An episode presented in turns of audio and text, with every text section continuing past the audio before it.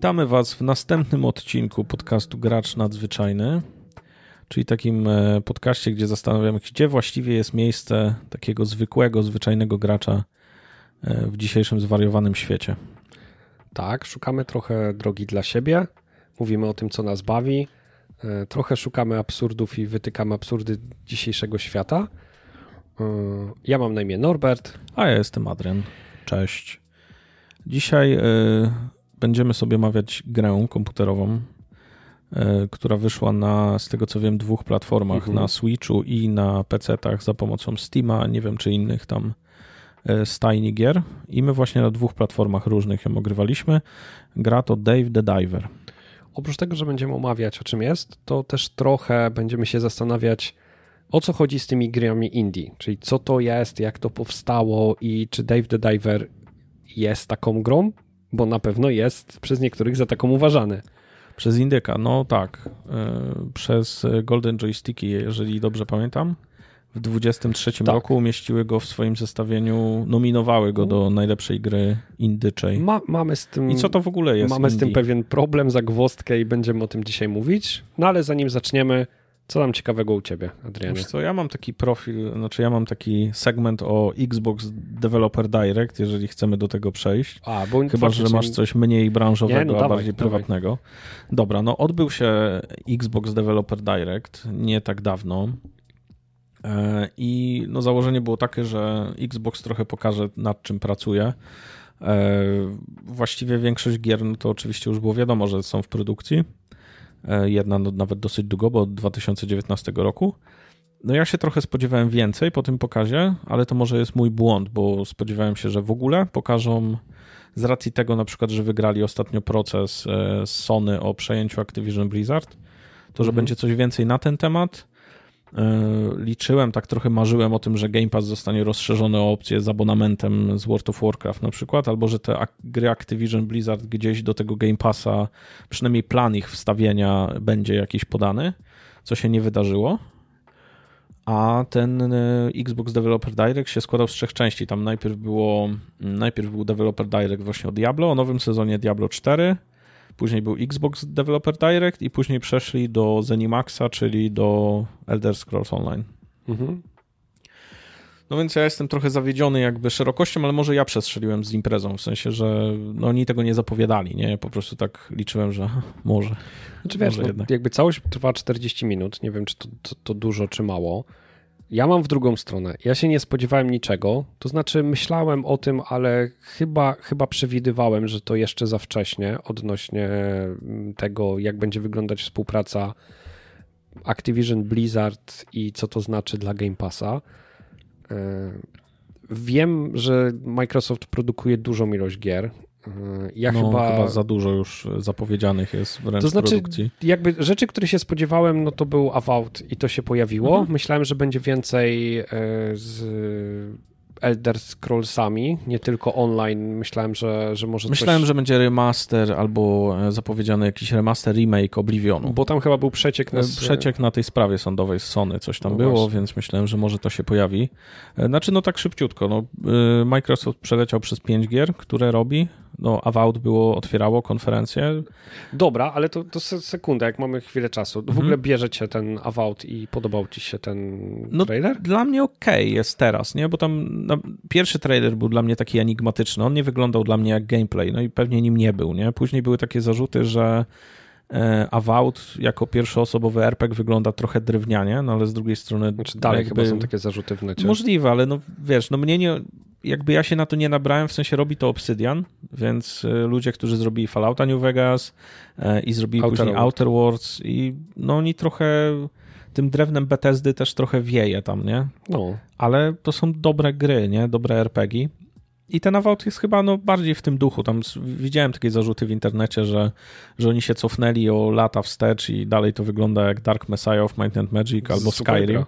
Ja mówię, kurde, no właśnie, to wygląda jak Dark Messiah of Might and Magic i Skyrim. Jakby czego tu więcej chcieć, nie? Znaczy, ja myślę, że to wynika trochę z tego, że ludzie, jak usłyszeli, że to będzie Developer Direct, to spodziewali się takich, wiesz, petard AAA, nie? Że to będzie, o Jezu, znaczy, no to dla Microsoftu zrobią? jest AAA, nie? Oni oni, jakby dla mnie Xbox nie ma takich e, tytułów e, wyglądających świetnie, znaczy może albo no nie wiem, na przykład Sony ze swoim Spider-Manem czy The Last of Us albo robią lepsze cinematiki, albo te gry są e, mniej gameplayowe, a bardziej widowiskowe, w sensie filmowe, nie? I to jakby, wiesz, fajnie świeci z ekranu, ale na warstwie gameplayowej, czy się nie mogą te gry bić między sobą na zasadzie, wiesz, konkurować, to nie wiem, nie? A Vault wydaje mi się takim RPG-iem z krwi i kości, poza tym oni się chyba trochę wybronili, bo tam mocno skupili się na aspekcie walki, i ona dla mnie wygląda wystarczająco dynamicznie, żebym się dobrze w niej bawił, więc jak, jak wcześniej powiedziałem, że tak, no może zobaczę, ale nie czekam jakoś szczególnie, tak, no może nie to, że czekam jakoś super szczególnie na to, ale chętnie obadam. Znaczy, ja na pewno... Tym, to, to jest tytuł, którym się nie zawiodłem, nie? Dla mnie jest spoko. Dla mnie, no dokładnie, dla mnie ta prezentacja jest taka, że mnie kupują, nie? Może nie okay. tak, że się zafiksowałem super, ale na pewno na plus, nie? Co tam jeszcze było? Było e, Senua, saga Hellblade 2 wyglądał błędnie. E, no i tutaj właśnie, no tutaj jest tak, że, że ta gra świeci z ekranu, nie? E, I to widać, że przynajmniej na, na zasadzie animacji, graficznie, dźwiękowo też, bo tam kilka takich było sneak peeków, jak oni nagrywają dźwięk, e, taki trochę ASMR-owy jest mhm. ten dźwięk, że na przykład była taka scena, gdy aktorki chodziły dookoła mikrofonu i tam szeptały, bo tam jest historia o psychicznie chorej, chorej na schizofrenię i psychozę bohaterce i ona po prostu ma trochę więcej do czynienia w swojej głowie z rzeczami niż, e, niż normalny, przeciętny człowiek. Ale tutaj na przykład jestem trochę zmęczony już tym, że Microsoft tak długo już zapowiada tą grę i tak dużo wpompował w marketing, bo od 2019 roku ona też była zapowiedziana na albo Game Awardsach, albo Golden Joystickach, gdzieś tak, pewnie na Game Awardsach. Mhm. I dla mnie już jest taki przepych, nie? że marketingowo ona już y, była tak rozdmuchana, że później, kiedy oni wyszli teraz na Developer Direct i powiedzieli coś, czego ja się spodziewałem, że to Senua jakby 2 to będzie mniej więcej podobna gra kalibru długości, czyli około 8-9 godzin. Chyba nawet jest troszeczkę e, krócej. Nawet chyba powiedzieli, że będzie troszeczkę krótsza niż jedynka. E, no to no słyszałem, że część ludzi się zawiodła, nie? Jakby poczuła się oszukana, że skoro tak rozdmuchują marketing, to spodziewano się czegoś większego, nie? Znaczy ja wierzę, że to będzie dopracowany produkt i w swojej warstwie to będzie fajne doświadczenie audiowizualne, ale to nie, nie jest taka wielka gra, w sensie, nie wiem, nie będzie tam otwartego światu, nie będzie gameplayu na 200 godzin, nie? I dla mnie, no może i dobrze, no ale rozumiem ludzi, którzy poczuli się tak, że niejasno zostali potraktowani podług tego marketingu, który został tam przedstawiony. Nie? Wiesz co, nie wiem, czy to nie jest nadinterpretacja. Pierwsza część e, była robiona przez e, małe studio i, i była trochę zaskoczeniem, jak dobra była to gra, w sensie jakościowo graficznie, jakby te twarze, no jakby porównaj sobie teraz to ze Starfieldem. to, Zaraz to jest... porównamy to z czym innym, co się pojawiło na tej konferencji. No, to, więc e, będzie... tu jest totalnie petarda, za to no dobrze, no, oni wtedy mieli pomysł i fajnie, że to się ta historia złożyła w krótkim czasie. Dla mnie, ja się zastanawiam, czy to trochę nie jest visual novel. Ja wiem, że przesadzam, w sensie tam znaczy, jest gameplay, nie? Ja nie ale... grałem w jedynkę, uzupełniałem sobie przy okazji właśnie po, jakby już czekania na dwójkę, ale no są takie, znaczy nie tyle zarzuty, no są takie opinie, że tam jest mniej gameplayu, a więcej to jest takie no doświadczenie trochę jak interaktywny film. Nie? Ty, no ja pamiętam Metal Gear Solid. I to też jest momentami interaktywny film. No i dla mnie to są, wiesz, dobre gry, tylko Metal trwa długo, nie? Znaczy bardziej tutaj, tutaj myślę na tej zasadzie, że nikt, że w game devie jest czasem tak, że nie zaprzeczasz, nie potwierdzasz niektórych rzeczy, które po prostu są do ciebie wypowiadane i z racji tego ludzie się spodziewali, że z racji tego, że zostały teraz wpompowane, wiesz, pieniądze i na produkcję gry, i w marketing, i jest tworzone to 5 lat, to będzie tam więcej gameplayu niż 8 godzin. Tam są nawet takie memy, że oni rocznie robią półtorej godziny gameplayu, albo że, wie, że dłużej trwa wszystkie materiały nie, marketingowe czy, niż sam gameplay. Znaczy, nie? nie, słyszałem to, a tylko ja się zastanawiam, czy to nie jest to, że gracze sobie narzucają Możliwe, no. oczekiwania, Możliwe. I... Dla mnie ja na to czekam, akurat bardziej niż na Avowed. Nie? Jakby dla mnie niektóre gry nie muszą być długie, żeby były dobre i ona w swojej tej sferze, którą chce dostarczyć, może być świetną produkcją. Okay. Może nawet grom roku, no ale to zobaczymy, zobaczymy dalej. E, co tam jeszcze mieliśmy? Mieliśmy później mieliśmy taką niespodziankę, bo zostało pokazane Visions of Mana. Tak, to... E, taki slasher, action RPG japoński e, z grafiką cel shadingową, ja taką kreskówkową. Eee, znaczy tak, może to sprawdzę. Nie wiem, czy to na tą chwilę było pokazane tak mało, że nie wiem, czy to mnie kupi, czy nie kupi. Ja się trochę zastanawiam, po co było to na tej konferencji. Nie? No, Bo... że, ma, że są ziomkami ze Square Enix. No tak, ale w sensie to jest, wiesz, developer direct z Xboxa i to nie jest studio Xboxa, znaczy... Pierwszy raz wychodzi na Xboxie i nie jest nawet powiedziane, że ta gra wyjdzie w Game Passie. Co ja mam taką teorię, że to jest na zasadzie hej Sony, zobaczcie. Trochę może tak być, nie? nie? że hej, jakby my to też jest się tutaj to, kupujemy, nie? nie? Bo yy, no właśnie, jeżeli ktoś, ktoś po tej konferencji myślał, że wszystkie te gry wyjdą w Game Passie, to tutaj jest taki... Nie wiadomo. Nie wiadomo, właśnie. Przy Visions of Mana nie było to jasno powiedziane i żebyście się, proszę Państwa, nie zaskoczyli, że w Game Passie otóż tego nie będzie. Mnie się wydaje, że to jest ewidentnie pokazane, że... Pokazane. Ja myślę, że ona jest tam napisane, że po raz pierwszy wyjdzie na Xboxie i będzie dostępna dla graczy z platformy Xbox, e, ale nie, za, nie w ramach abonamentu. Tego nie było powiedziane. To było sprytnie przemilczane. Nie, powie, nie zaprzeczam, nie potwierdzam. E, później mamy taką konferencję studia Oxide i to jest właściwie, nie chcę powiedzieć podruba, ale to jest bezpośredni konkurent cywilizacji. E, Tam było trochę nowych rozwiązań, ale ja jestem chyba za, za słaby w. Cy... Ja nie jestem jakimś wielkim ekspertem w strategiach w tego tak, typu, tak, nie? Więc ja powiem tylko tak, zobaczę to pewnie, bo w Cywilizację szóstkę też sobie tam trochę pograłem. Te gry mają to do siebie, że one strasznie kradną czas kolejną i kolejną turą. E, I ja do tej pory nie zostałem jakoś tak kupiony, że spędziłem w którejś cywilizacji, nie wiem, tam 100-200 godzin. O Jezu, ja pograłem trochę w cyfry. Znaczy, najśmieszniejsze jest to, że ja grałem w tą cywilizację, tą najnowszą.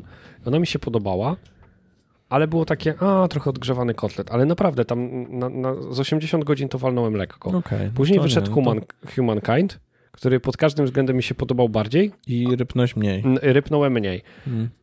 Strategia, która mnie, e, z tego typu strategii, która ja, ja kojarzę jako chyba taką najbardziej innowacyjną, to była taka strategia. O Jezus, teraz kurde, zacząłem temat, a później nie będę. Te, Endless Legend. E, może być coś takiego. I no. tam te frakcje były tak od siebie różne, różne mhm. i, tak było, i tak było to klimatyczne zrobione. Znaczy wiem, że to tutaj cywilizacja i Humankind ma symulować jakby real, mhm. realną rzecz, mhm. tak? Czy, czy jakąś taką zabawę. Jakąś taką no, fikcję, ale tam ale... Było, było super. Więc ja jestem ciekaw, co nie pokażą. Znaczy ja uważam, że to dobrze, że y, będzie konkurencja, że rzucą rękawicę. Mhm. I no kolejną już, bo no, tak jak mówisz, Humankind było wcześniej i tak dalej, no jakby próbują z tym walczyć, z tym monopolem bo cywilizacja praktycznie ma monopol. E, I to, proszę Państwa, jest, będzie na Game Passie, ale tym PC-owym. Mhm. No, no, bo, bo, ciężko by było. Ja się tak zastanawiałem, jak to zobaczyli. Kurde, mówię, jak to przerzucą na kontroler, nie? Ja, no i się okazało, ja próbowałem że nie Stellaris grać na kontrolerze.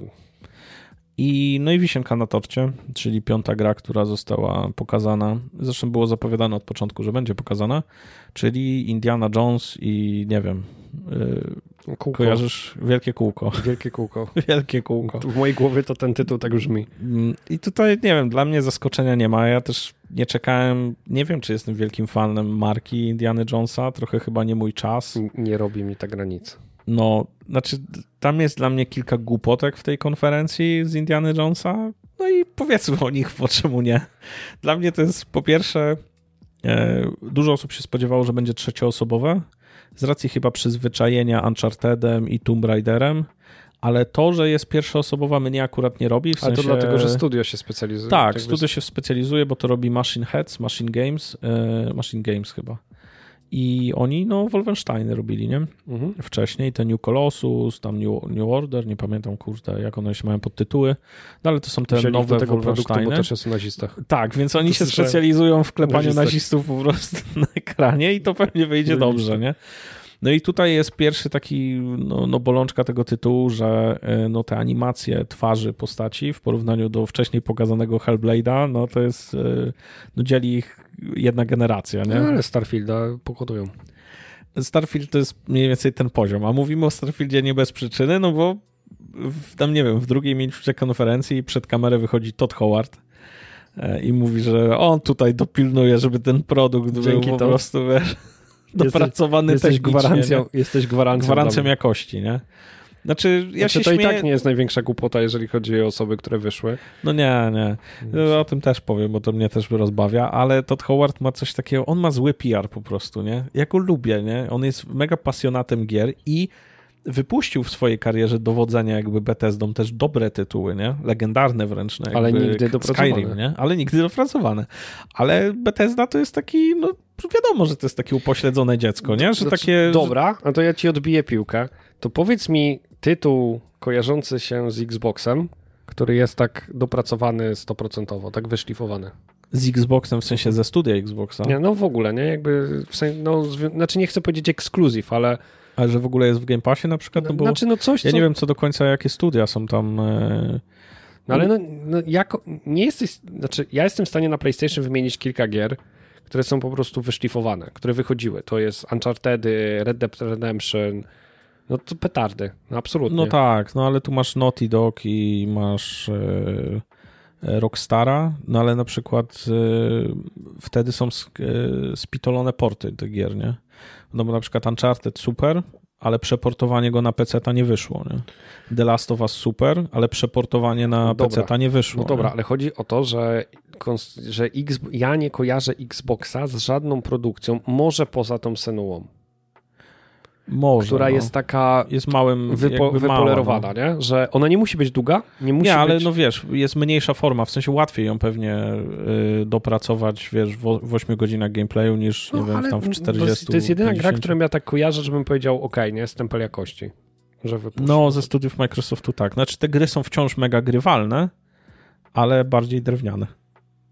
I jakby mam, ja wiem, że to było zupełnie i wyjdę na fanboya i masz Nintendo, które wypuszcza grę i nie ma day one patcha.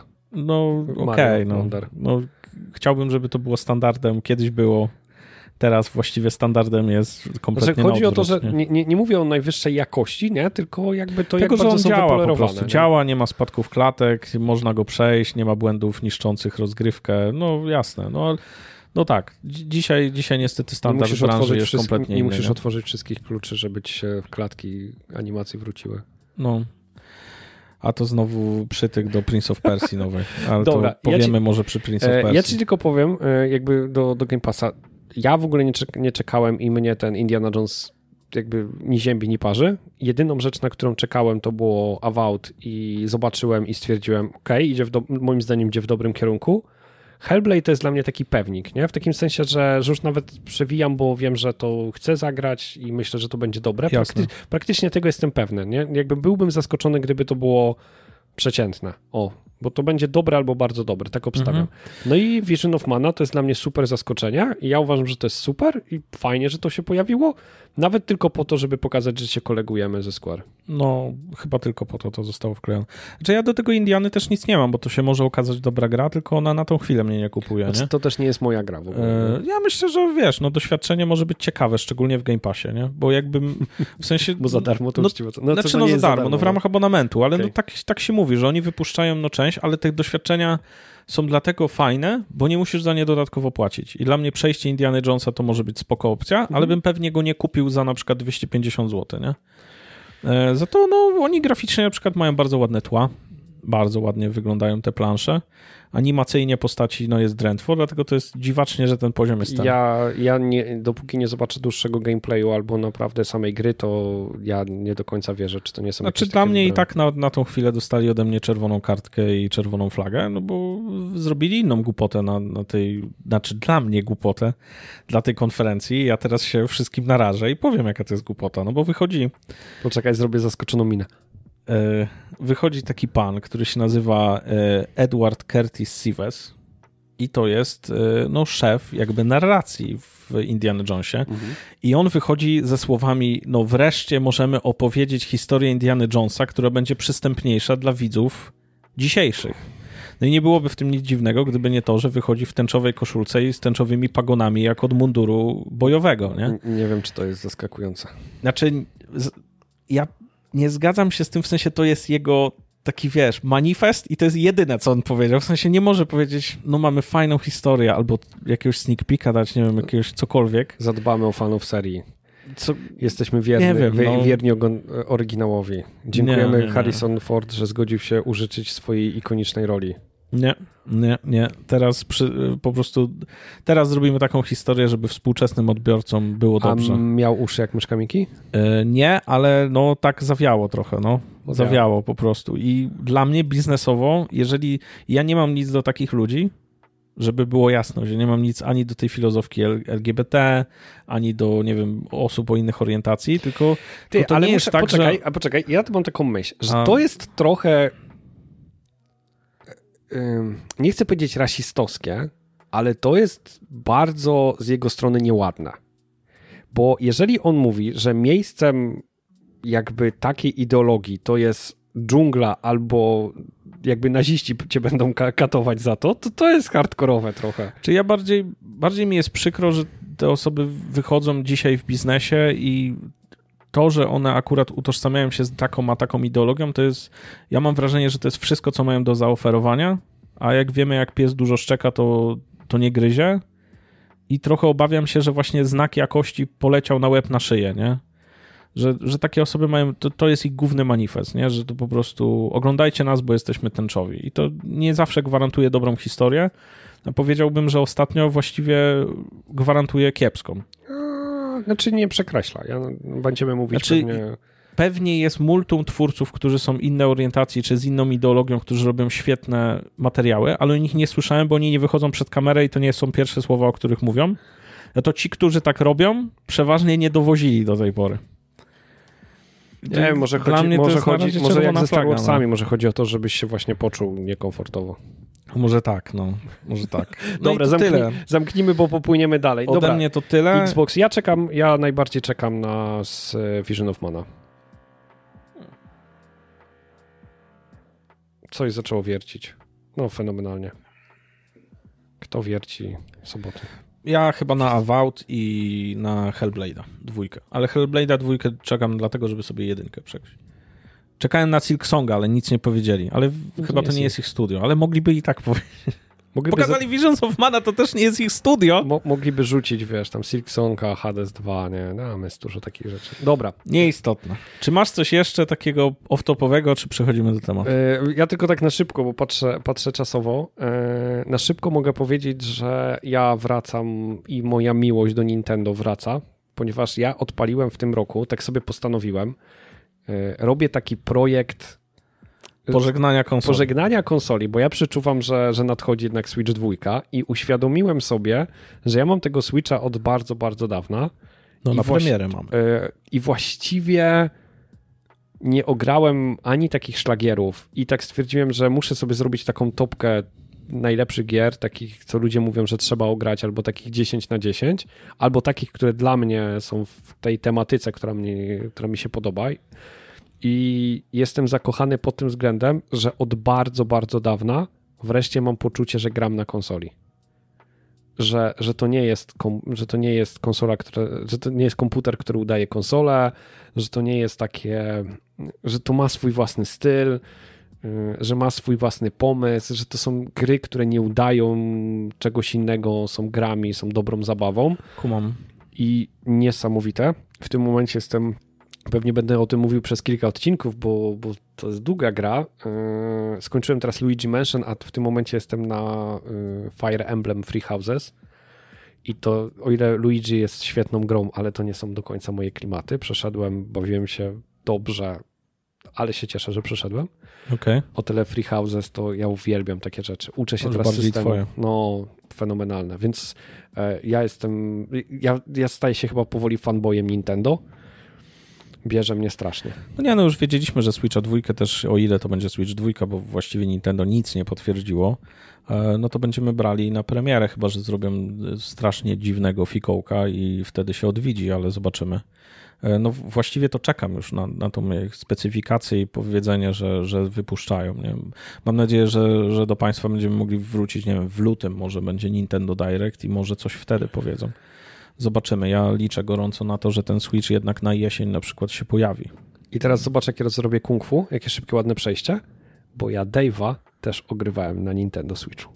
Łopanie. Widziałeś to? Jakie to jest... Było tak po prostu szybkie, że nie zauważyłem. I uważam, że to jest gra, która świetnie się do tej konsoli nadaje. Ona się chyba w ogóle do filozofii handhelda też świetnie nadaje i ja nie mogę powiedzieć, że ogrywałem w takim razie na e, Steam Decku, ale ogrywałem na Steamie. E, więc mamy dwie wersje za sobą. E, nie wiem, czy one się czymś różniły wersją gry. Datą Podejrzewam, da, No tak, datą wydania się różniło, bo u mnie ta gra wyszła w październiku 2022 roku i to był Early Access. Okej, okay, no dobra, okej. Okay.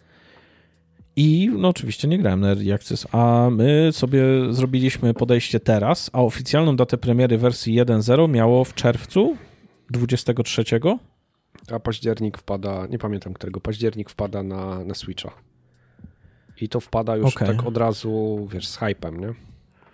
I co ciekawe, wpada tylko na te platformy. Nie ma tego na X i nie ma tego na PlayStation. No nie, ja szczerze mówiąc szukałem, bo chciałem, e, chciałem ograć sobie Dave'a na konsoli, bo on mi się wydawał taką typowo konsolową grę. I ja specjalnie, żeby ograć Dave'a na PC, kupiłem sobie przejściówkę do pada, nie? żeby po prostu grać na padzie, bo mi się mój kablowy popsił. E, I nie wyobrażam sobie grać na klawiaturze i myszce, ale wiem, że się da też.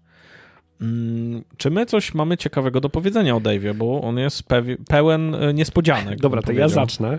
E, uprzedzam, że to może nie być super ciekawe dla niektórych widzów, ale to ma sens. Ja, ja to chcę powiedzieć, bo, bo to nam się przyda w późniejszej um, jakby dyskusji. Pierwsza, o której powiedziałeś, że to jest e, gra, która wychodzi w Early Accessie.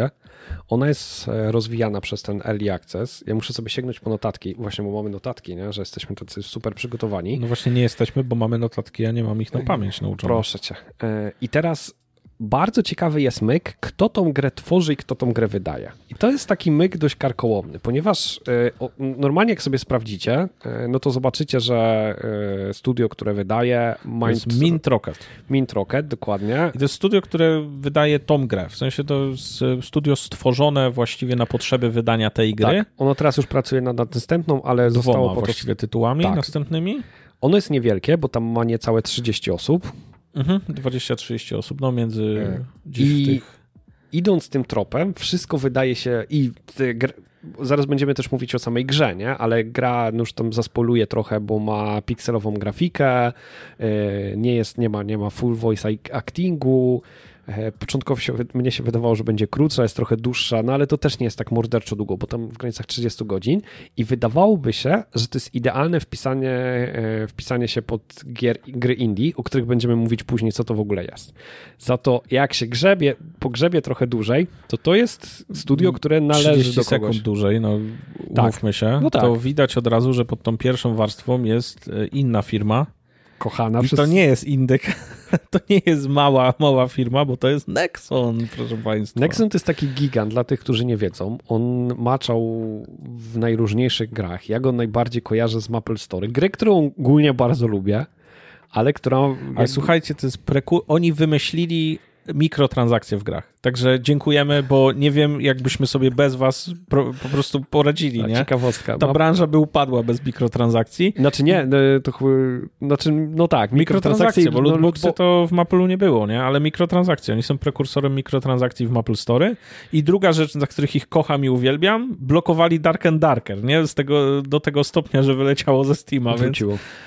Nie, na Steama chyba nie wróciło, ale wróciło na Steama. Wydaje mi się, że teraz widziałem informację, że wróciło, bo oni się w, pierwszym, w pierwszej instancji obronili ale no to jest po prostu absurdalne z tą filmą, co się, no dużo dobrego, no słuchajcie, dla graczy naprawdę. No to jest, znaczy o, o, oni mi się kojarzą, to logo mi się kojarzy z takim pieniążkiem z Mario i to jakby jest ten, i ten dźwięk jak Nexon wjeżdża, taki jest I bardzo jest charakterystyczny. pieniążek. To jest taki piung, jak, jak pieniążek I, i jakby to jest skojarzenie też to, co oni robią, więc to jest ogromne studio, ogromny moloch, zarabiający kupę kasy, trzepiący właśnie kasy na mikrotransakcjach, na, na grach trochę mobilnych, no mówię, no Maple Story ja lubiłem, ale no, no jednak grind, który tam jest i te wszystkie kosmetyki, no jest rakowe, to, no, to, to trzeba to, to przyznać. Fakt.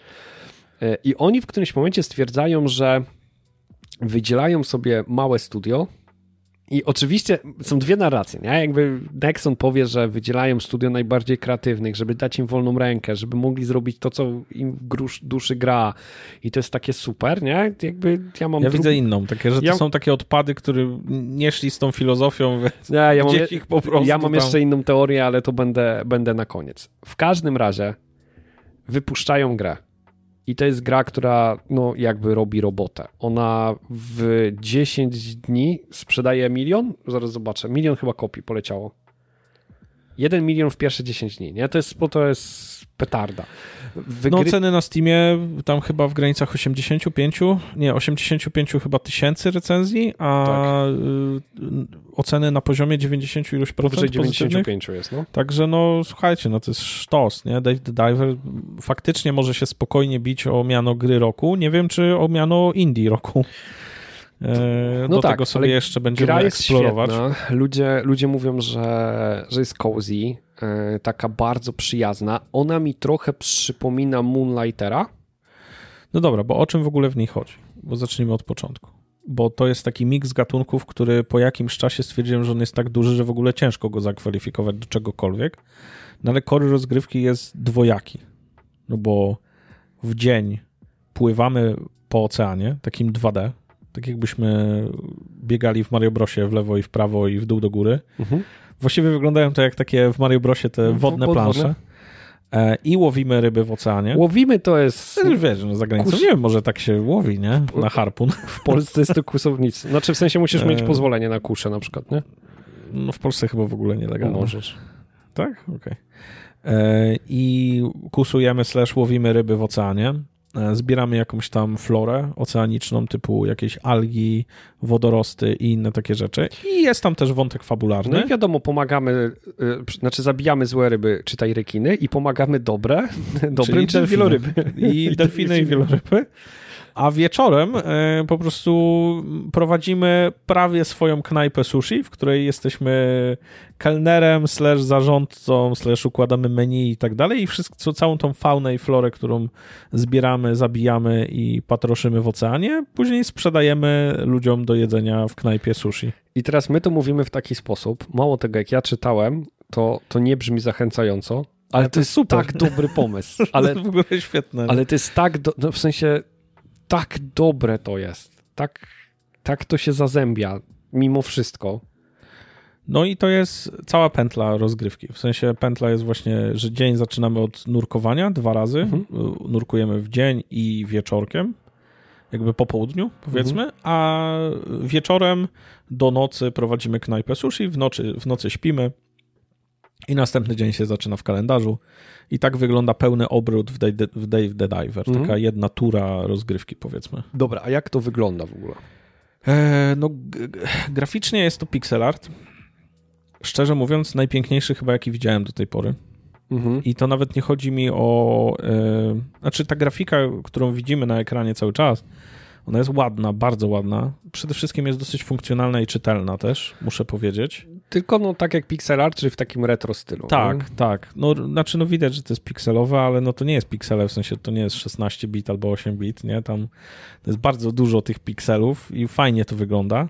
Ale co dla mnie jest takie najfajniejsze w tej grze graficznie, to są animacje takie cinematikowe, drobne, no człowiek, który wymyślał animacje i je pisał e, i programował tam, montował, to on chyba jest... Jaką masz taką ulubioną? Bo ja mam jedną taką, która mnie e, Moja ulubiona jest taka animacja, jak e, tam twój szef kuchni ostrzy taki nóż e, do sushi i później płatki wiśni, bo to jest stylizowane trochę na japońszczyznę, jest, nie? No. Płatki wiśni po prostu lecą, wiadomo, z drzewa, które przed chwilą zakwitło i o ten nóż się po prostu jeden tak rozdziera na, na dwa jest przecięty i później jest takie zbliżenie na akwarium, które stoi za nim i ta ryba jest taka przerażona okay. po prostu tam, więc to jest chyba moja ulubiona e, animacja. Ciężko jest to wytłumaczyć jakby głosowo, ale to musielibyście sobie zobaczyć, pewnie jest jakaś kompilacja tych animacji, to jest najlepszy pixel art, jaki widziałem. A twoja? E, ja uwielbiam taką e, animację, która zaczyna się jak on sięga po iPada i tam taką bit, jest A, taki jest taka muzyka, jak I, on trze wasabi w rytm i on, to, tego. I on to tak, i on to podgłaśnia i zaczyna jakby właśnie okay, robić to w rytm, bo, bo, fajnie też to właśnie zgrane z muzyką.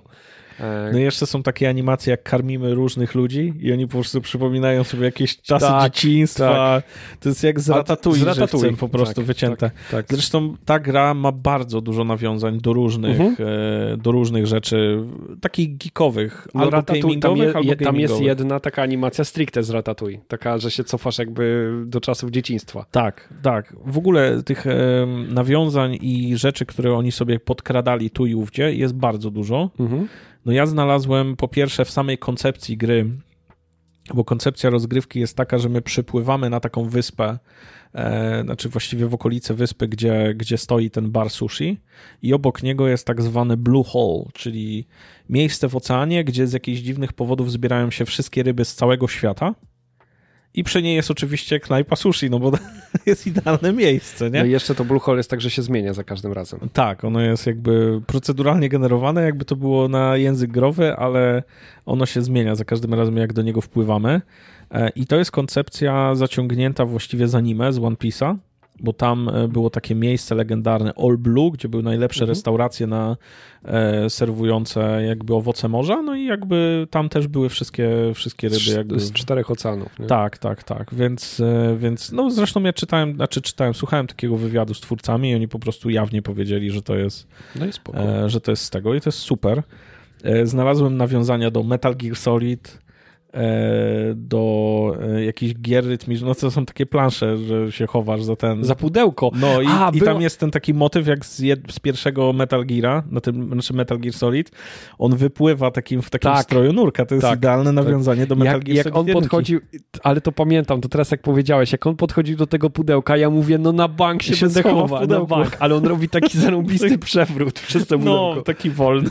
Albo w ogóle gramy bohaterem, który ma, no wygląda mniej więcej jak ja, no ma trochę brzuszek, jest, jest takim everymanem. Jest, jest mega. E, I twórcy się śmieją, że co chwila dostają takie listy, maile od fanów, że kurde, ten Dave to wygląda jak mój wujek, nie? Ty powiem I przesyłają im zdjęcie swojego ci, wujka. Że, bo będziemy jechać na Pyrkon, może ty zrobisz cosplay tego, Dave'a. To, to, to by super pasowało. Taki kapelusz ci kupimy słonkowy, koszulkę taką dostaniesz. Mega dobre. Albo cały strój nurka. Tylko, że on brody nie ma, nie? Yy, ma. Ma taką, A taką goti, tak? Goti takie, no. Taki, wiesz, na, na okrągło. Tak, no, tak, wiesz, brud, tak. Brudkę można zrobić. I taki właśnie, bo hawajska koszula, kapelusik taki ten. E, I to jest, e, nawiązań oczywiście jest więcej. Nie wiem, czy coś jeszcze wyłapałem. Ty, ja wyłapałem, że podobno w ogóle jest taka knajpa. Ona się, ona jest, ja to specjalnie pokaleczę. To jest takie coś jak Jeju Island.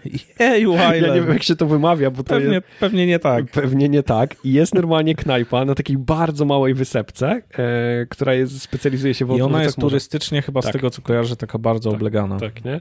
E, więc to jest taki, tak jak mówisz, nie? Miks pomysłów. Tak się zastanawiam, jak teraz z tym metalem powiedziałeś, czy ja jeszcze coś wyłapałem Burata tu i wyłapałem, nie? To, to, to na pewno. Nie, nie znam konkretnie tego nawiązania, bo tam bijemy się z takimi ekolutkami, ale to nie wiem, czy to jest nawiązanie do Bruce'a Willisa albo do, do jakichś takich filmów akcji, bo tam jest E, no generalnie ta gra trochę szydzi z wszystkich no jakichś grze, ikon, grze gier, kina no. i, i wszystkiego, Na pewno ja być. kojarzę taki film, że, że to, bo tam jest coś takiego, że można nagrać głos tych yy, wieloryba i później z laska, która to rozumie. Jest taki film, ja kojarzę, która właśnie, dziewczyna, która taka no, słuchała, nie? To, to też są takie filmy z lat 90., tam początki 2000. E, no tam jest mnóstwo. Jest też mnóstwo jakby nawiązań gameplayowych, bo ty powiedziałeś o podstawowym loopie, ale tam w którymś momencie to dochodzą takie elementy praktycznie jak z Harvest Moona czy Stardew tak, Valley. mamy taką farmę, na której też możemy yy, sadzić pewne składniki do Zaczyn potraw. Tak, zaczynamy zarządzać tą jakby franczyzą, zaczyna być to trochę jak taki prawie że tajkun, jak w sensie w restauracji zaczynamy nie pracować tylko my, ale możemy tak. zatrudnić tak. sobie inne osoby do pomocy, które na przykład będą nam e, serwować dania gościom, nalewać im zielonej herbaty czy piwa, e, albo też wspomagać naszego szefa kuchni e, w gotowaniu dań. Mhm. Tak, później nawet ty dokopujesz się do franczyzy, że drugą możesz taką mhm. branczową restaurację otwierać. Mm, no, czy coś jeszcze jest? Znaczy, mnie fascynuje, że tam taka jest ilość mechanik i to nie jest tak, że one wchodzą na początku. Mnie rozwaliło, że ja gram 25 godzin i po 25 godzinach w ostatniej właściwie części gry dochodzi mi nowa mechanika. I ja po prostu byłem... Znaczy ja w ogóle złapałem się na tym, że ja skończyłem tą grę w 30 chyba dwie i skończyłem ją dosyć sprawnie, bo ja części mechanik, które ty miałeś odkryte pod koniec gry, jeszcze nie dostałem. I sprawdzałem później kalendarz w tej grze, bo w tej grze jest ważny kalendarz mhm. i zarówno jest pogoda, jak i kalendarz. I ja mam zaznaczone w tym kalendarzu wydarzenia jeszcze ze dwa miesiące i później dopiero jest pustka. Czyli domyślam się, że przez te dwa miesiące cały czas jeszcze coś można robić. Tam, e, znaczy coś wchodzi nowego. Mhm. Na jakiś gatunek ryby, tam ja pod koniec na przykład takie legendarne ryby robiłem im zdjęcia, nie? Takim na przykład tam była jakaś ryba z brodą, nie? Albo któraś była tak. w czapce, czaro, była płaszczka czarodzieja. w czapce czarodzieja, która się teleportowała i ciężko było jej zrobić zdjęcie, nie? E, więc e, te mechaniki jeszcze miałem na dobre dwa miesiące w kalendarzu zapisane. I dopiero później e, było wyluzowanie w grze w kalendarzu, więc fabułę przeszedłem wcześniej. Ale gra oczywiście pozwala mucić w nią sobie dalej. No dobra, no to zachwalamy rozgrywkę i powiedzieliśmy trochę o grafice, to może o warstwie audio jeszcze bo chyba dla mnie audio sprawia, że ta gra musisz, jest najbardziej cozy. To ty musisz powiedzieć, bo ja się na tym nie znam, poza tym, że, się, że dla mnie jest super. Że taka jest właśnie no, ona relaksacja. Ona mi przypom... Ja też nie jestem wielkim muzykiem, ale ona jest no, zapętlona w taki sposób, że ja to jest taka, dla mnie to jest taka sieczka muzyczna, w sensie, że tam nie ma żadnych utworów, ale są zapętlone utwory w taki sposób, że po prostu możemy się przy niej super relaksować, nie? I dla mnie to jest takie połączenie... w tym oceanie ma troszeczkę inny. Tak tak, takie e... lofi, trochę relaksacyjne i no, trochę ambientu. ale to jest mega, mega super. E, no, odgłosów też oceanu, w sensie tam twórcy na przykład mówili, że oni skupiali się na tym, żeby wszystkie te ścieżki muzyczne i dźwięki w oceanie były takie przytłumione, tak jakbyś był pod wodą, e, a wszystkie znowu na, na lądzie są takie bardziej ostre, jakby bardziej klarowne. Kolej, e. to jeszcze, sorry, że ci wtrącę, ale teraz sobie przypomniałem, że jasne, że w którymś momencie trochę się wyrodki odpinają, ale ta gra jest też dość poprawna biologicznie, bym tak powiedział, bo dużo gatunków, które tam jest omówione i, i opisane, to są jakby realne, bo oni na przykład współpracowali z National Geographic. Właśnie, chciałem powiedzieć, że oni w ramach, to jest tak... E, to jest tak sensownie zrobione, przynajmniej część aspektów, że po, początkowe założenie było takie, że, że miało robić jakieś studio chyba na komórki to, czy tak. mobilna to miała być tak. gra, ale właśnie we tak, ścisłej współpracy z National Geographic. Mhm. E, no, tak. Właśnie, właśnie, nie wiem, czy oni ostatecznie jakby jak bardzo była to, ale wiem, że tak, tak, to, że to też było konsultowane. Myślę, że myślę, że później tam w warstwie fabularnej oczywiście, no tak jak powiedziałeś, wrotki się odpinają, bo jest tam fabuła, ona jest całkiem, e, całkiem spoko. Nie jest to jakaś tam wyszukana fabuła. E, w zasadzie ona nie jest interesująca, bo ta, ta gra czaruje gameplayem, ona nie musi czarować jakby fabułą. E, ale tam, kurczę, jest, mówię, to jest taki miks e, gatunkowy, w sensie, bo tak jak powiedzieliśmy, gameplay loop opiera się właściwie na dwóch pomysłach, ale tam wokół tego jest tak dużo mikromechanik i mikrogierek, e, że ciężko mi się było po jakimś czasie od tego oderwać, na zasadzie, że na początku mój ten dzień z Dave'em był taki dosyć krótki i mało, mało rozbudowany. W sensie wiedziałem, że muszę e, no, wypłynąć sobie rano i po południu i później właśnie zarządzać tym e, knajpą.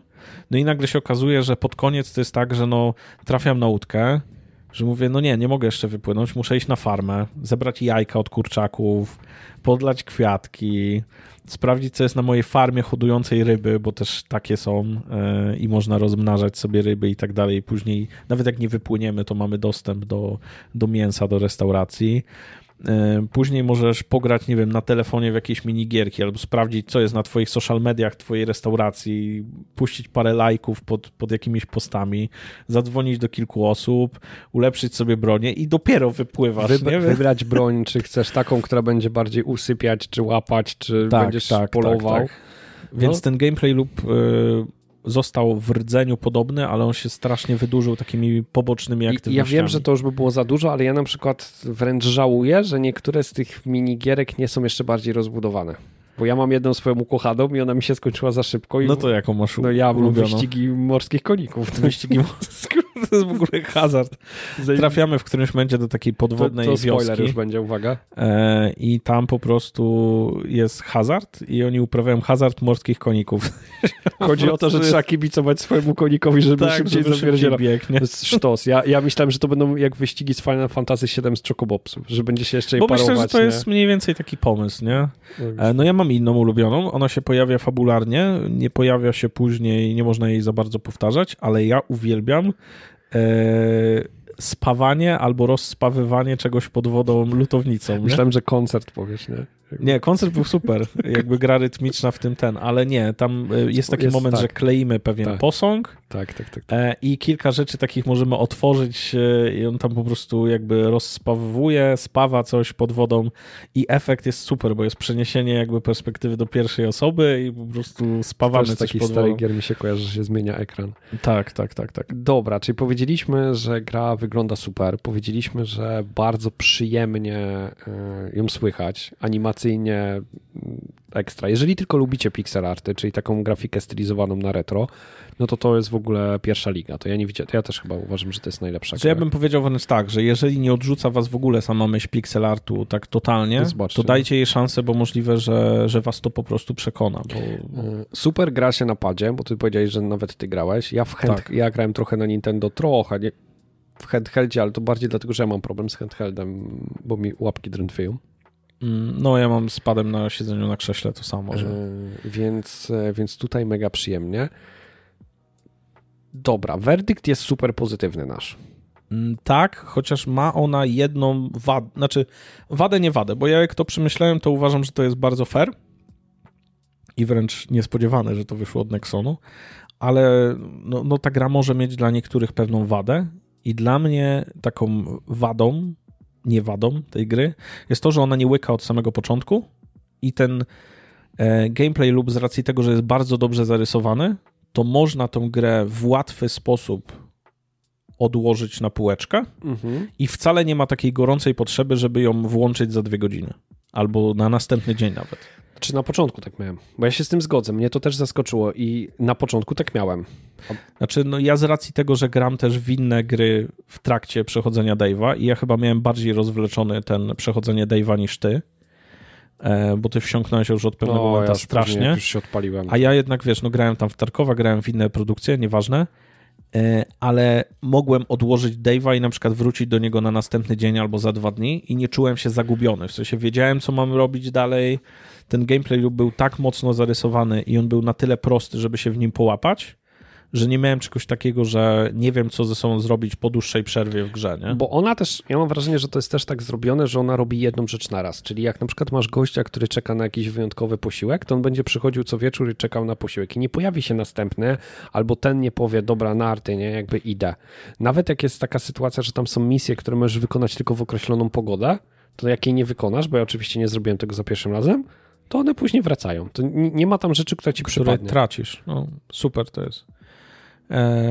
Więc to dla niektórych może być wada. Dla mnie, jak to przemyślałem, to z drugiej strony fajnie, że ta gra szanuje mój czas i mnie tak nie przykleja, wiesz, w taki wręcz narkotyczny sposób do siebie, nie? Że na przykład z Baldurem miałem ten problem, że on mnie strasznie, strasznie wciągał, a jak go odłożyłem przez urlop, to później nie mogłem do niego wrócić. Czułem, jakbym po prostu odstawił narkotyk, nie? No dobra, czyli my wystawiamy okejkę. To jest pierwsza z takich... No, my wystawiamy taką dużą okejkę, nie? No jest... Nie wiem, czy to wszystkim będzie się podobać. No to jest... Mówię, ta gra bawi głównie w warstwie gameplayu. E, znaczy ja ci powiem, że wszystkich moich znajomych, którzy wiem, że grają, to ja jestem im gotów z czystym sumieniem polecić. Nie znam A jak powiedzą, że im się nie podoba, to po prostu z nimi jest problem, wyrzucam ich z, no. Nie, gra jest super. I, I wiesz, e, to co powiedzieliśmy, nie? że ona ma tam 90, chyba 7% pozytywnych opinii. Więc ludzie też ją uwielbiają. No. E, ona była nominowana w dużej ilości kategorii. E, wygrała nagrody Steama za grę właśnie Cozy, taką usiądź i się zrelaksuj. Powiedziałbym też, że jest taką fajną grą za przystępną cenę, bo ja ją kupiłem na Steamie w granicach 70 chyba złotych, na, na tam mieli jakąś promocję, chyba... Yy no nie wiem z jakiej racji, ale ostatnio jak Steam miał promocję, to ona w granicach 70 zł. Ja kosztowała. chyba ją wyhaczyłem za około 80 na Nintendo, więc to też jest ok. Wiesz, A... spędziłem w niej ze 35 godzin chyba łącznie. Bo to jest zaskakujące. Ona jest o wiele dłuższa niż I ja się to przeliczyć, no to zapłaciłem tam 2 zł za godzinę zabawy, nie? To jest niezły przelicznik fanu do, do ceny. To, I to powiem Ci, że to była jedna z takich rzeczy, która mnie najbardziej zaskoczyła. Nie wiem, czy pozytywnie, czy. Znaczy, nie, nie negatywnie, o może tak, e, że ona jest o wiele dłuższa niż się spodziewałem. Ja byłem przekonany, że to będzie gra tam na 10 godzin. Nie? No, ale nie miałem takiej warstwy, że ona mnie zmęczyła tą długością. W sensie mm. tam y, cały czas było coś fajnego do roboty i nie była, nie była sztucznie wydłużona. Jedyny to jest taki moment, że tam musisz dwa dni poczekać na jak to, coś tam się dzieje Ostat... Ale to już jest dosłownie ostatni, ostatni Ale tak moment. to nigdy nie było, tam że musisz, prostu... nie wiem, przygrindować coś. Tam jest taki moment, że otwiera, jakby otwarcie drzwi, drzwi do następnego poziomu trwa dwa dni, nie? I to jest jedyny chyba moment taki czasowy. Kilka, kilka takich, e, takich rzeczy się trafiało tam, że, że ta gra nas kierowała, że o dobra, to teraz wróć sobie do knajpy i tak dalej. E, ja myślę, że to jest też e, kierowane w ten sposób. Twórcy się na przykład żalili, może chwalili, nie wiem, mówili o takiej rzeczy, że na początku ta gra nie była podzielona na kategorię dnia, nie? Znaczy, że był poranek, popołudnie, noc i tak dalej. I ona nie wyznaczała ci kiedy masz się zajmować restauracją i kiedy masz się zajmować pływaniem. Mogłeś pływać cały czas, mogłeś zajmować się restauracją, nie? No i ludzie mieli coś takiego, że po prostu czuli, że tracili, nie? Jak, jak robili jakieś po prostu okay. E, dema, takie wewnętrzne, wiesz, e, beta testy powiedzmy, to po prostu było takie poczucie, że coś tracisz, że jeżeli no pływasz, a nie możesz w tym momencie zarządzać restauracją, to tracisz albo jedno, albo drugie. Dlatego oni to podzielili tak, że w pewnym momencie już po prostu jest wieczór i idziesz do restauracji teraz. Jakby wyszło na to samo, ale nie masz poczucia straty. Jest Tam jest w ogóle pełno takich sprytnych mechanik, tak. bo drugą taką samą jest, gdy giniesz, w sensie kończy ci się tlen e, i wracasz na łódkę, to możesz zabrać jeden, jedyny przedmiot ze sobą z tego całego rana. No i twoja uwaga jest bardzo szybko zmieniana e, z momentu o kurde, utopiłem się, nie, o, to jest bez się, sensu. U mnie się nie udało. Nie? U mnie, u mnie było takie, co teraz wziąć? Nie, nie? Bo u mnie się nie udało. najważniejszym przedmiotem w moim plecaku. U mnie, u mnie się to nie udawało. Okay, okay, No u, u, mnie w miarę to łagodziło to. To, co, to, co też, to, to też rozmawialiśmy na ten temat, to nawet mówiłeś, że jest zaskakujące, że to nie ma życia de facto. Tak. E, I tutaj słyszałem taki zarzut. E, gość, który prowadził z nimi wywiad, też tworzył gry i on tworzył akurat grę w kosmosie. I tam też był tlen, jakby jako zasobem życia. I cały czas ten tlen ci uciekał, bo tam kombinezon był trochę pęknięty, czy coś takiego. I e, ludzie mu zwracali jakby z early accessu, czy z beta testów z takim przeświadczeniem, że czują się cały czas zagrożeni. I tutaj jest ta sama mechanika. I ja od pewnego momentu miałem z tym luz, nie? że spada mi tlen, i, dla, I, oni się tłumaczyli, który że dla nich. Życiem tak, twoim, tak. Który jak dostajemy na przykład obrażenia od jakiejś ryby, bo nas bierze na rogi, to, to też nam zbija tlen. Nie? Pozdrawiamy National, National Geographic. E, I oni tłumaczyli to przez coś takiego, że dla ludzi tak naturalne jest pływanie i połączone z tym, że mhm. trzeba wstrzymać oddech, że ta mechanika tlenu i to, że kończy ci się powietrze jest naturalna i nikt z tego nie robił żadnych problemów, nie? Okej. Okay. Dobra, no i przechodzimy do clue dzisiejszego odcinka i coś, co spowodowało, znaczy bo gra, grę i tak chcieliśmy zagrać, ale coś, co spowodowało, że wzięliśmy ją e, jako temat. Ponieważ ona została, tak jak powiedziałeś, na, nominowana do gry indie e, na Game Awardsach. I teraz najpierw powiedzmy, czym są gry indie. Indie od Independence Game, jako gry Independent, no. Independent, sorry. E, jako gry niezależne, to znaczy tworzone przez jedną albo bardzo małe studio. Taka jest definicja. Znaczy no, tak, przez małe studio i tu chyba chodzi też o to, że nie mają wsparcia wydawcy, takiego I, wielkiego, wiesz, tak, brata. żeby nie mieć e, nacisków. Tak. O, I, i tak. najczęściej małe, innowacyjne, takie wynikające z Passion Project mhm. i ja mam problem ze wskazaniem, kiedy to się zaczęło, bo mnie się wydaje, że to zawsze było.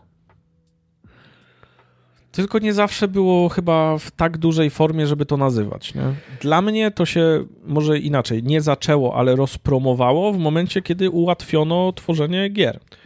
To po pierwsze, i po drugie, kiedy duże molochy, y, wydawcy czy producenci gier zaczęli przyjmować pewną określoną taktykę, czyli sprzedawania rzeczy pewnych, bezpieczniejszych, kontynuacji tak, siódmych, dziesiątych, piętnastych część cyklu, y, w których innowacje są niewielkie i coraz bardziej są jakby zupełnie inną gałęzią niż gry, które jakby nie udają, że nie są grami. Nie?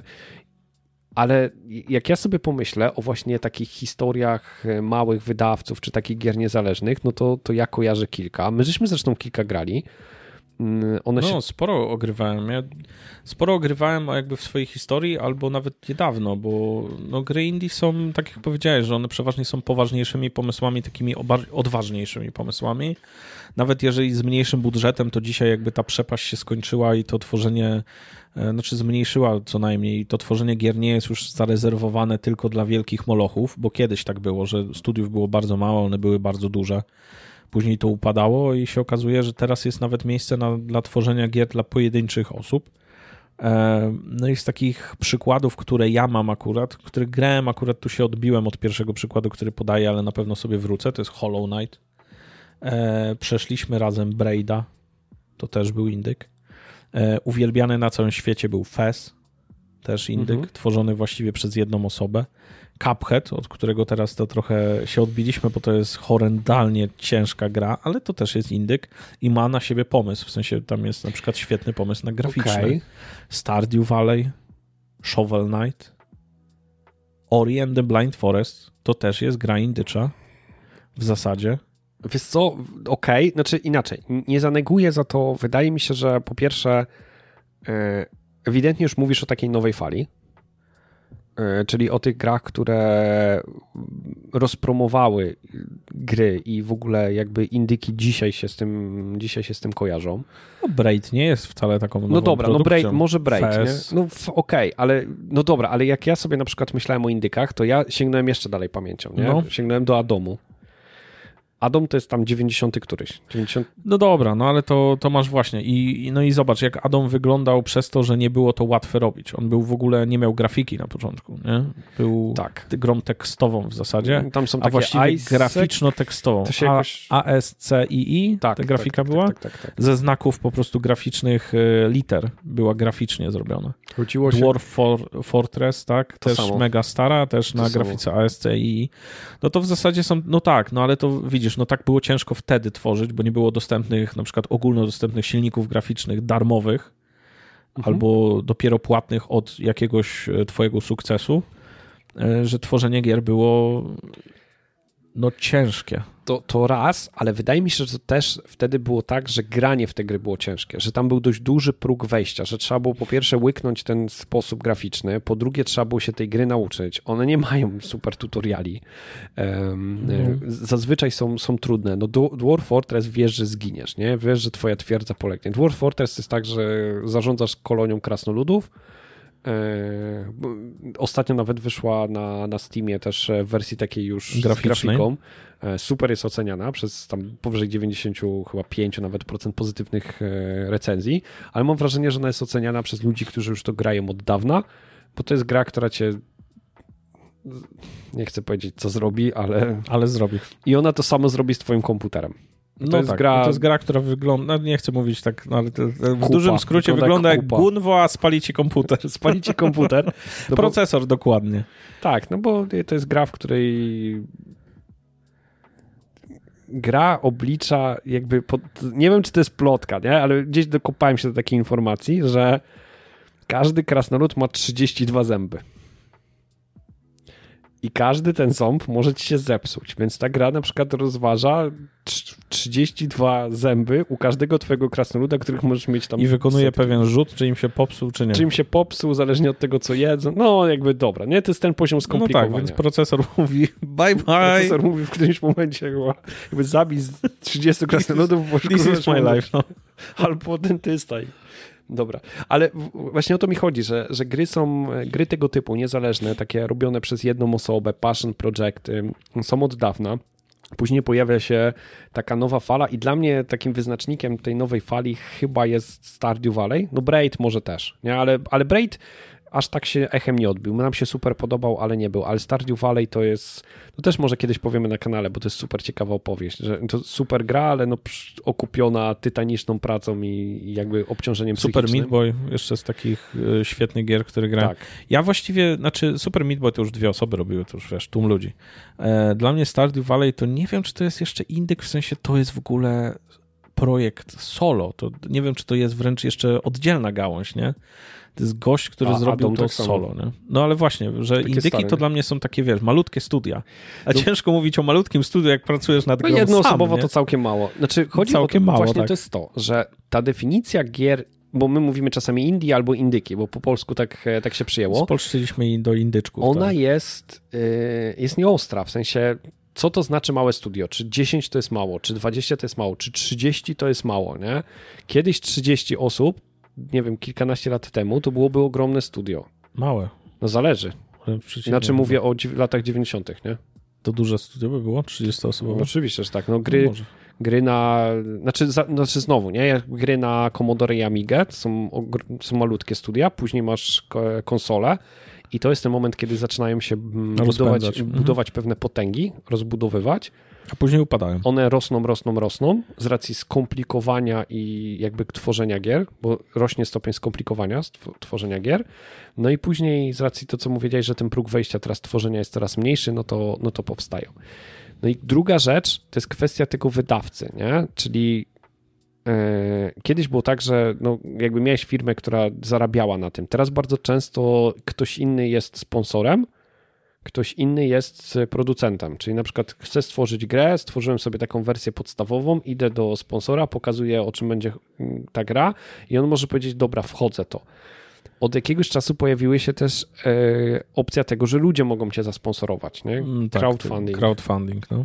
I to też otworzyło nowe, e, nowe możliwości, że ja mogę naobiecywać, jeżeli ktoś mi uwierzy i da mi swoje pieniążki, to ja mogę pracować nad tym, co ja sobie wymyśliłem, a nie, że będzie ktoś mi siedział i mówi, ty musisz to wydać do końca roku, bo nam się nie zepnie to, no, wiesz, w słupkach. Dokładnie. I te gry tak mocno się zakorzeniły, i tak do, zostały w pewną grupę graczy, najpierw niszową, a później coraz większą odebrane, że one stały się, mm, mm, nie chcę powiedzieć awangardą, ale takim bardzo głośnym mm, odzewem na to, co się dzisiaj dzieje na świecie, znaczy działo jakiś czas temu na świecie. Dla mnie już jest to tak, e, to tak zatoczyło koło, że po prostu w ramach dzisiejszego odcinka można powiedzieć, że po prostu modnie jest być in, grom indyczą. Tak że to jest pewien e, atut. Znak jakości. Tak, że taki, jak... wiesz, glade, taki medal z ziemniaka, nie? Że po prostu jesteś gromindyczą, to znaczy, że jesteś super. Znaczy, wydaje mi się, że na no, znowu, e, e, uważam, że część sukcesu konsoli Switch Nintendo jest to, że ona właśnie otworzyła swój sklep na, sklep tak, na małe no i gry. wiadomo, bo z tym idą no, pewne też reperkusje, czyli no, jeżeli otworzymy rynek na gry indycze, to tam wlatuje też dużo krapu z tym, nie? Mhm. Na przykład na Steamie jest bardzo dużo gier, które są beznadziejne.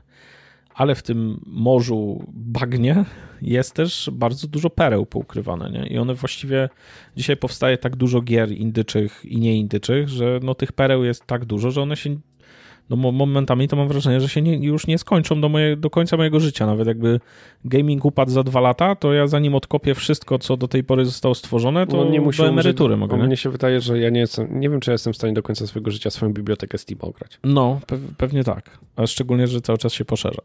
szczególnie tak.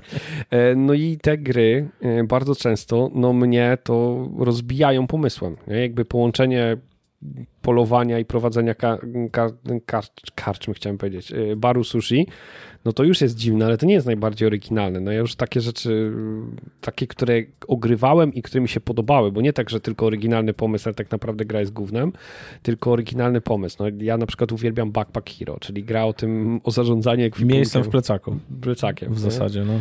E, więc, więc... Nie no, sporo tego jest. I faktycznie chyba, chyba to jest najcenniejsze w tych indykach, że one mają odwagę i mają też możliwość po prostu, że z, trochę z tego, z racji tego, że nie stoją tam wielkie oczekiwania finansowe za nimi. Do presji nie ma, e, nie? nie ma presji finansowej, że mogą po prostu y, zdobyć się na oryginalność. Nie? I, I teraz to się stało do tego momentu modne, do tego stopnia, że duzi gracze na rynku gamingowym postanowili zrobić grę dużą ale ją przypudrować, że to jest niby gra indycza.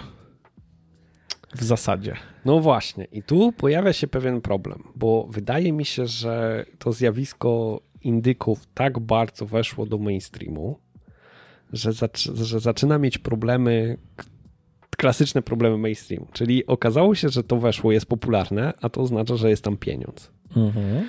E, ludzie zaczynają wręcz tego chcieć, prawie że żądać. No więc skoro ludzie tego chcą, to już trochę bezpieczniej jest robić gry tego typu. Mogę być dużym studiem i mogę robić gry tego typu. Ale jeżeli jestem dużym studiem, e, no to, to jakby jak zrobić, żeby ta gra była indykiem? No trzeba wrzucić pikselową grafikę. Ja mam wrażenie, że, ja mam wrażenie, że teraz... Że jest po prostu taki e, tak. e, what to do. Taka tak, lista że jest what to do. I, ten, I ta pikselowa grafika, która y, wzięła się z tego początkowo, że prościej było to zrobić. Nie? Jakby nie oszukujmy się. Dzisiaj jest decyzją artystyczną, że jakby ja mogę zrobić super grafikę 3D, ale podejmuję decyzję ze zrobienia pixel artu, bo on się sprzedaje. No to jest, to jest taki hipster gamingu po prostu. No Indyk to jest taki hipster gamingu. Znaczy, ja mam wrażenie, że to już jest, że, że już teraz nie. Że, że, że teraz już tak. No, że to już jest teraz, teraz taki jest... hipster, ale który nie ma tych ciuchów, dlatego że, że nie stać go na lepsze, tylko ma hipster takie, że wygląda jak dziad, ale tam jakby jest pieniądz. Jest pieniądz, nie?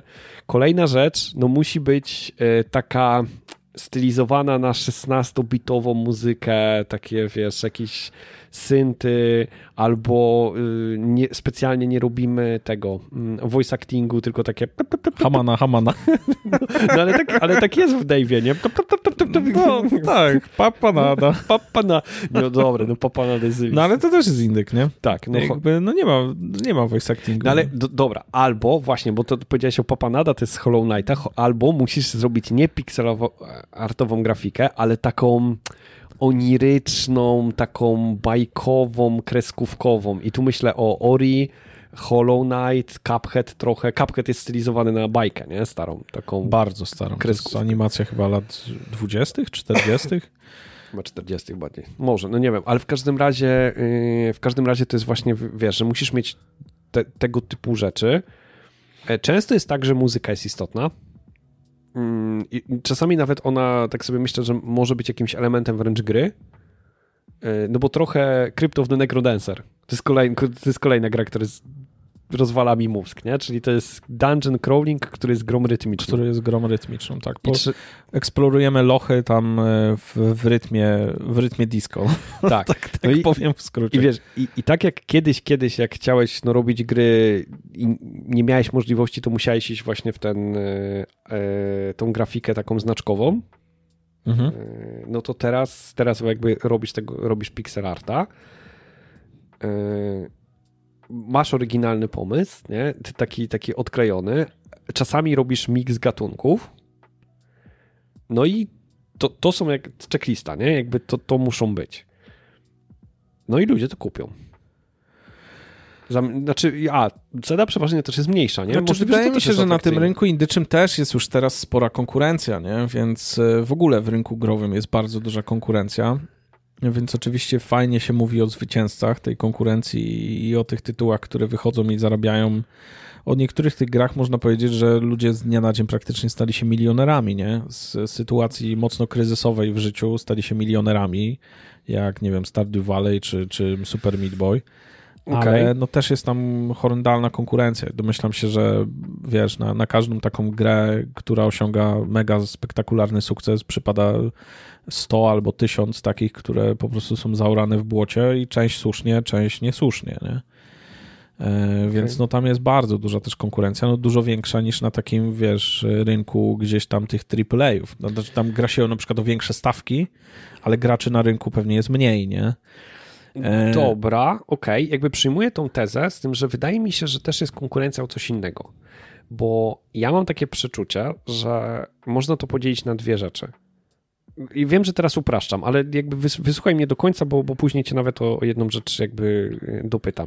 Mnie się wydaje, że kiedyś albo było to tak, że to był projekt z pasji, mhm. ale bardzo często to była taka trochę swoja wprawka do tego, żeby zostać e, game de developerem. Że to było trochę takie budowanie mojego portfolio, żeby mnie później przyjęli do firmy. Dzisiaj wydaje mi się, że to już jest jakby pomysł na biznes sam w sobie, że ja wiem, Myślę, że, że, tak. że ja wiem, że mogę zrobić grę i, i, mam do tego możliwości, nie po to, żeby iść do dużej firmy i pokazać, hej, mam taką grę, kupcie, tylko wręcz, żeby samemu na niej zarobić, nie? Mhm. I ja mam takie poczucie, bo dla mnie, to jest trochę możliwe, że to jest odważna teza, ale dla mnie mody do gier to też są trochę indyki. Mhm. W sensie modowanie jakby czasami jest poprawianiem gry, ale czasami w ramach jakby gry są tworzone zupełnie inne konstrukcje i one były robione dlatego, że już mamy gotowy silnik graficzny, już mamy gotowe jakieś asety, a wtedy nie było to jeszcze super, e, super takie dostępne. I jeżeli my mamy pewnie, pewne narzędzia, to możemy odpalić swoją kreatywność. Jasne, że ona jest ograniczona, chociaż jakby kreatywność dobrze rozwija w, w jakby w zamkniętym pudełku. No ja tak uważam, że kreatywność wynika nie z braku barier, tylko z trochę ich oszukiwania. I bardzo często właśnie y, mody pokazywały, no też mi rozwalały mózg. No, no nie wiem, League of Legends wywodzi, wywodzi się de facto e, z moda na Worldcrafta trójkę, z Doty. Mhm. Tak? W, w, ramach jakby moda powstaje zupełnie nowy gatunek. Tower Defense, które się odbudowały, te też są z modów, nie? I później się okazało, że no te asety są już, że te, to tworzenie jest na tyle ułatwione. Ja nie twierdzę, że jest proste, bo, bo, bo nie jest, ale, ale już jest na tyle ułatwione, że już nie potrzebuję mo modować grę, tylko mogę sobie stworzyć ją praktycznie, praktycznie od zera. I wydaje mi się, że kiedyś się robiło po to, żeby pokazać, że warto mnie zatrudnić, a dzisiaj często to, to, już może być jakby samodzielna ścieżka kariery. Nawet jak to jest projekt z pasji, to już można na nim zarabiać. Mhm. Znaczy ja widzę dwie rzeczy. Jeszcze się odniosę tak bezpośrednio do tego, bo uważam, że tak nie tylko jest z gamingiem, nie? Dla mnie na przykład y, YouTube jest taki sam. Nie, że kiedyś na przykład YouTube jak raczkował, to myślę, że dużo ludzi tam robiło na przykład jakieś projekty filmowe, żeby zacząć brać udział w tworzeniu filmów a dzisiaj praktycznie możesz Jasne, opierać swoją okay. karierę tylko Dobra. na, nie wiem, okay. na przykład być filmowcem, ale na YouTubie, nie? Albo i teraz z tego wynika to, co chciałem powiedzieć w gamingu, że wydaje mi się, że to się sprofesjonalizuje. Nie tylko, na przykład, że indyki przestaną być tylko kojarzone z pixelartem, bo na przykład YouTube się strasznie sprofesjonalizował, nie? I dzisiaj jakby te progi wejścia na przykład w jakości filmów, audio, wideo jest czasem nie mniejsza niż w niektórych produkcjach filmowych i gry też już to udostępniają. W sensie ja widziałem projekty, nie wiem, na Unrealu Engine 5, które robi tam jedna, dwie osoby, nie? I to jest gra, która wiesz, wygląda jak, dla ciebie graficznie jak niedawno AAA, nie? Mhm. I sporo jest takich rzeczy, nie? Dla mnie, wiesz, yy, na przykład Escape from Tarkov, który gram, no też jest swego rodzaju indykiem. Po prostu urósł strasznie, nie? Ale to nie jest tak, że tam był jakiś wielki producent, wielki wydawca, nie wiadomo co, nie? E, I jakby te czasy się tak szybko pozmieniały, że myślę, że indyki za, mogą iść w tą stronę, że też niektóre już nie będą kojarzone tylko z pixelartem e, albo z tylko, nie wiem, z już uboższą grafiką, bo tak jak mówisz, no kiedyś było tak, że ta uboższa grafika jakby była tłumaczona przez to, że, że no po prostu e, miałeś na to środki, czy, czy musiałeś to na przykład zaprojektować te postacie samemu, i łatwiej było to zrobić w ten sposób, ale dzisiaj praktycznie coraz częściej jest tak, że graficznie możesz nie odstawać od tytułów AAA. Nie? E, dam ci pewną wizję przyszłości. E, indyki dzisiaj zdobywają super popularność i okazują się pewnym pieniądzem, więc wszystkie duże firmy robią pixelartowe gry, małe, z super pomysłami, a ludzie pojedyncze projekty, przerzucają się na Unreal 5 i robią super graficzne, wypierdzielone takie. Może tak będzie się, wszyscy zamienią i się wszystko przetasuje. I, I teraz druga rzecz co do indyków, bo ja nie... Teza tego odcinka jest tak, że trochę się boimy, że Nexon jakby macza w tym palce, no to jest początek końca. Zważy, Kurwa, to jest jakby... Zważywszy na to, gdzie po prostu maczał palce do tej pory i jakie, jakie cudowne pomysły miał dla graczy przygotowane, to może być to kiepski pomysł, ale musiałbym powiedzieć, że nagle się okazuje, że jakby masz bardzo dużą firmę, bardzo dużego wydawcę i bardzo dużego producenta i w tym molochu potrafisz znaleźć ludzi, którzy jak nie mają smyczy nad sobą, to potrafią zrobić coś super kreatywnego. Nie? I na przykład masz Ubisoft, który odgrzewa kotleta i jest znany po prostu z odgrzewania kotleta, aż się przypali i nagle zostają wypuszczeni i robią coś zupełnie innego i uważam, że dużo, Wró dużo Czytasz mi w myślach, wrócę do tego pomysłu, bo ja mam to samo. Ja uważam, że to jest początek końca. Indyku.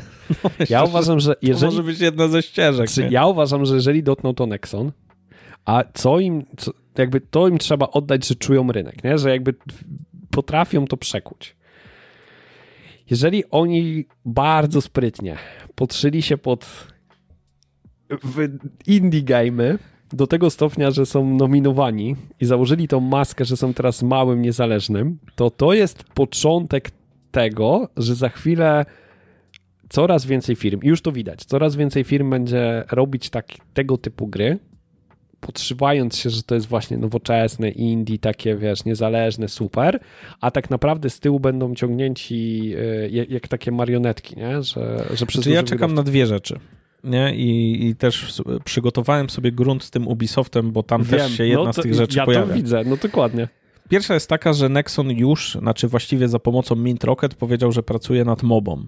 Ja mhm. coś mi się wydaje, że ta MOBA będzie free to play, nie? Albo przynajmniej no, i ma szansę być na free to play. I to jest Nexon, więc czekam po prostu, jakie mikrotransakcje zaproponują no graczom swojej wspaniałomyślności, bo może być tak, że Dave the Diver był wspaniały, a teraz zrobią coś, wiesz, od twórców Dave'a the Divera, wszyscy tak kochaliście tą grę, a tam będzie tak nasrane mikrotransakcjami, że się po prostu ci znudzi. No i drugi przykład, Ubisoft, pod którego tak podłożyłem sobie grunt. Widziałem właśnie. Gdzie po prostu jest... włożyliśmy mikrotransakcje do gry single player, nie? Tam jest po prostu, można dokupić sobie specjalnie ułatwienie do gry za pieniążki i to jest single player. No bo ja, no właśnie o to mi chodzi, nie? Że, te, że najpierw duży wydawca yy, trochę cię zakłada maskę gier indie, ty spuszczasz gardę, i oni cię przytulają.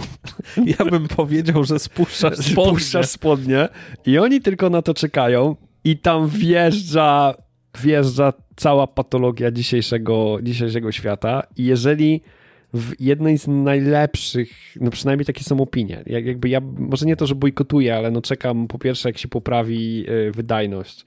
E, dwa, no też nie, nie ukrywam, że trochę musi spaść cena. No wjeżdża jakby nowy e, Prince of Persia nie, nie chcę powiedzieć, że on jest jakby stylizowany na grę indie, ale trochę on mi przypomina ja, Hollow Knighta. ale w sensie jest kreatywniejszym pomysłem niż Ubisoft do tej pory miał od on x lat. On nie? dalej jest dużą grą, nie? I dalej jest jakby dopracowany, ale trochę mi przypomina właśnie Oriego, trochę mi przypomina Hollow Knighta, idzie w tym kierunku i ty mówisz, o kurde, fajnie, nie? Jakby zrobili coś nowego. Fakt, że oni chociaż nie udawali, nie? W sensie nie, nie założyli osobnego studia, który się nie nazywa jakby Ubisoft i oni super i ty mówisz, o dobra, biorę i dosłownie spuszczasz te spodnie i się okazuje, że odpalasz i masz mikrotransakcje w grze singlowej, no to to już jest, to już jest początek końca. No i ja, ja, ja się bałem, że na 40 godzinie w Dave'ie, nie? Jakby dostanę kurwa, że nowy, chcesz nowy końcówkę gry fabularnej, to, to znaczy wątku fabularnego to DLC. Ja i, i jakby dla mnie, dla mnie Dave the Diver i jego sukces, który mnie bardzo cieszy, uważam, że jest zwiastunem początku końca. I no oby nie, no oby nie, znaczy, nie ja było tak, ale, tak, tak, ale faktycznie nosi to pewne znamiona takiego Armagedonu, nie? że po prostu e, że to jest taki wilk w owczej skórze, nie? No mówię ci, ktoś się... przygotował sobie grunt pod to, żeby zepsuć też gry niezależne. Nie? Stary, no ja widzę, to, ja widzę to odwrócenie, że ja będę wchodził na Steama i w pixelartowe gry będą wydawane przez dużych wydawców i tam będzie to samo gówno, czyli... A mi... piękne AAA będą po prostu tam jedna osoba Mik mikro, Mikrotransakcje, wiesz, wyciskanie, kurwa, DLC-ki i tak dalej, a będą gry na Unreal 5, jeszcze jak wejdzie zaraz sztuczna inteligencja i się okaże, że jednoosobowa gra będzie po prostu sztos, nie? Ja wierzę, że te branże kreatywne zawsze znajdą miejsce gdzieś, żeby, wiesz, tej kreatywności, że jak ją bardzo ściśniesz, to ona gdzieś po prostu uleci bokiem, nie? Że gdzieś zawsze coś, jakaś gałąź się wytworzy, wiesz, ludzie dzisiaj, nie wiem, wracają do retro gamingu, są tworzone czasem gry na, na nie wiem, na Amigę z powrotem albo Wiesz, okay. różne takie, że w gałęzi tak kreatywnej gdzieś ta kreatywność zawsze znajdzie ujście, nie? Znaczy mnie się wydaje, że po e, prostu I termin, o to mam tylko nadzieję. Termin indie przestanie, znaczy jakby on z definicji dalej będzie aktualny, ale po prostu zostanie wykolejony. Ja się, ja się zastanawiam, jak następne gry będą się nazywać, nie wiem, Chicken czy coś tam, jakieś tam. Nie wiem, może coś będzie. No. E, bo jestem ciekaw właśnie tego ruchu, tych kreatywnych twórców pomysłów, jak oni teraz będą się chcieli wyróżnić, skoro na polu pixelartowym i tak dalej, no będą mieli konkurencję w postaci dużych firm. Nexona, nie? Zajebiste. No na przykład Nexona, nie? Jakby... Także no dajcie znać, czy to jest e, w zasadzie, znaczy ograjcie Dave'a, jeżeli, jeżeli macie okazję, bo to jest wspaniała Póki nie wprowadzą gra. mikrotransakcji. Póki w Dave'ie nie ma mikrotransakcji, to jest warty swojej, e, swojej ceny i jest to świetna, świetna rozgrywka. E, no ale też dajcie znać, czy dla was to jest e, świetny, świetna gra i nie widzicie tutaj żadnej e, wiszącej zmory końca indyków nad tym, czy pchanie się wielkich wydawców do na siłę drzwiami i oknami do udawania, że są grami indyczymi, niezależnymi i nie wiadomo jak małymi studiami, czy to czasem nie, je, nie jest śmierdzące trochę? Okej. Okay. Jakie masz plany na najbliższy czas? Taki bardzo najbliższy? No. Nagranie drugiego odcinka zaraz. Nie, no dobra, to taki chciałem dłuższy. No to sprecyzuj. Wiesz co, bo ja sobie teraz pomyślałem, że tak jak mam ten moment pożegnania z Nintendo, bo wiem, że już nadchodzi drugie i chcę ograć jak najwięcej tytułów, to ja sobie teraz tak pomyślałem, że może trzeba ograć wszystkie indyki. W sensie, może nie wszystkie, jeszcze ale mają dobre wspomnienia. Trzeba, trzeba teraz zrobić listę indyków, które jeszcze są indykami bo ja jakby trafiam na takie gry i one kradną mi serce, zanim po prostu będzie tak, że ja sięgnę po indyka i spuszczę spodnie i coś, jakiś duży wydawca po prostu nagle mnie zaatakuje. Może tak być. No nie wiem, kurczę, pożegnanie z indykami. E, no mam nadzieję, że nie muszę, nie będę musiał ich robić, albo że będą chociażby tak... Mm, tak prości w rozgryzieniu, że to jednak Nexon za tym stoi, e, E, jak, jak właśnie w Dave'ie, nie? że nie będzie to zakamuflowane tak, że nie dojdziesz do tego, że to jest wielki wydawca. E, za to, no nie oczerniając jakby bardziej Dave'a, bo ta gra im wyszła, nie? Tak. W sensie nie można, nie można też powiedzieć, że jakby my to widzimy jako fatum, że to może być problem, ale na razie jeszcze nie jest. W sensie na, na to, co wyszło teraz... Prince of Persia też jest też jest świetną grą. I myślę, że, że gramy, tylko szczerze mówiąc, ja czekam na to, bo pojawiły się tam... Takie obawy, że ma problemy techniczne, jak większość gier dzisiaj, co też jest rakiem. E, I czekam, aż to po prostu się uspokoi, nie? I wtedy sobie ogram. E, kończymy, słuchajcie, my kończymy odcinek, robimy listę indyków, które jeszcze są indykami. Wy jak macie jakiś pomysł, żeby, żeby nam podrzucić? Spieszcie się kochać indyki, bo, bo szybko bo, mogą odejść. Nie? Bo Nexon jakby wziął. E, no i co? Do usłyszenia? Do usłyszenia w następnym. Trzymajcie pa, pa. się, hej. thank you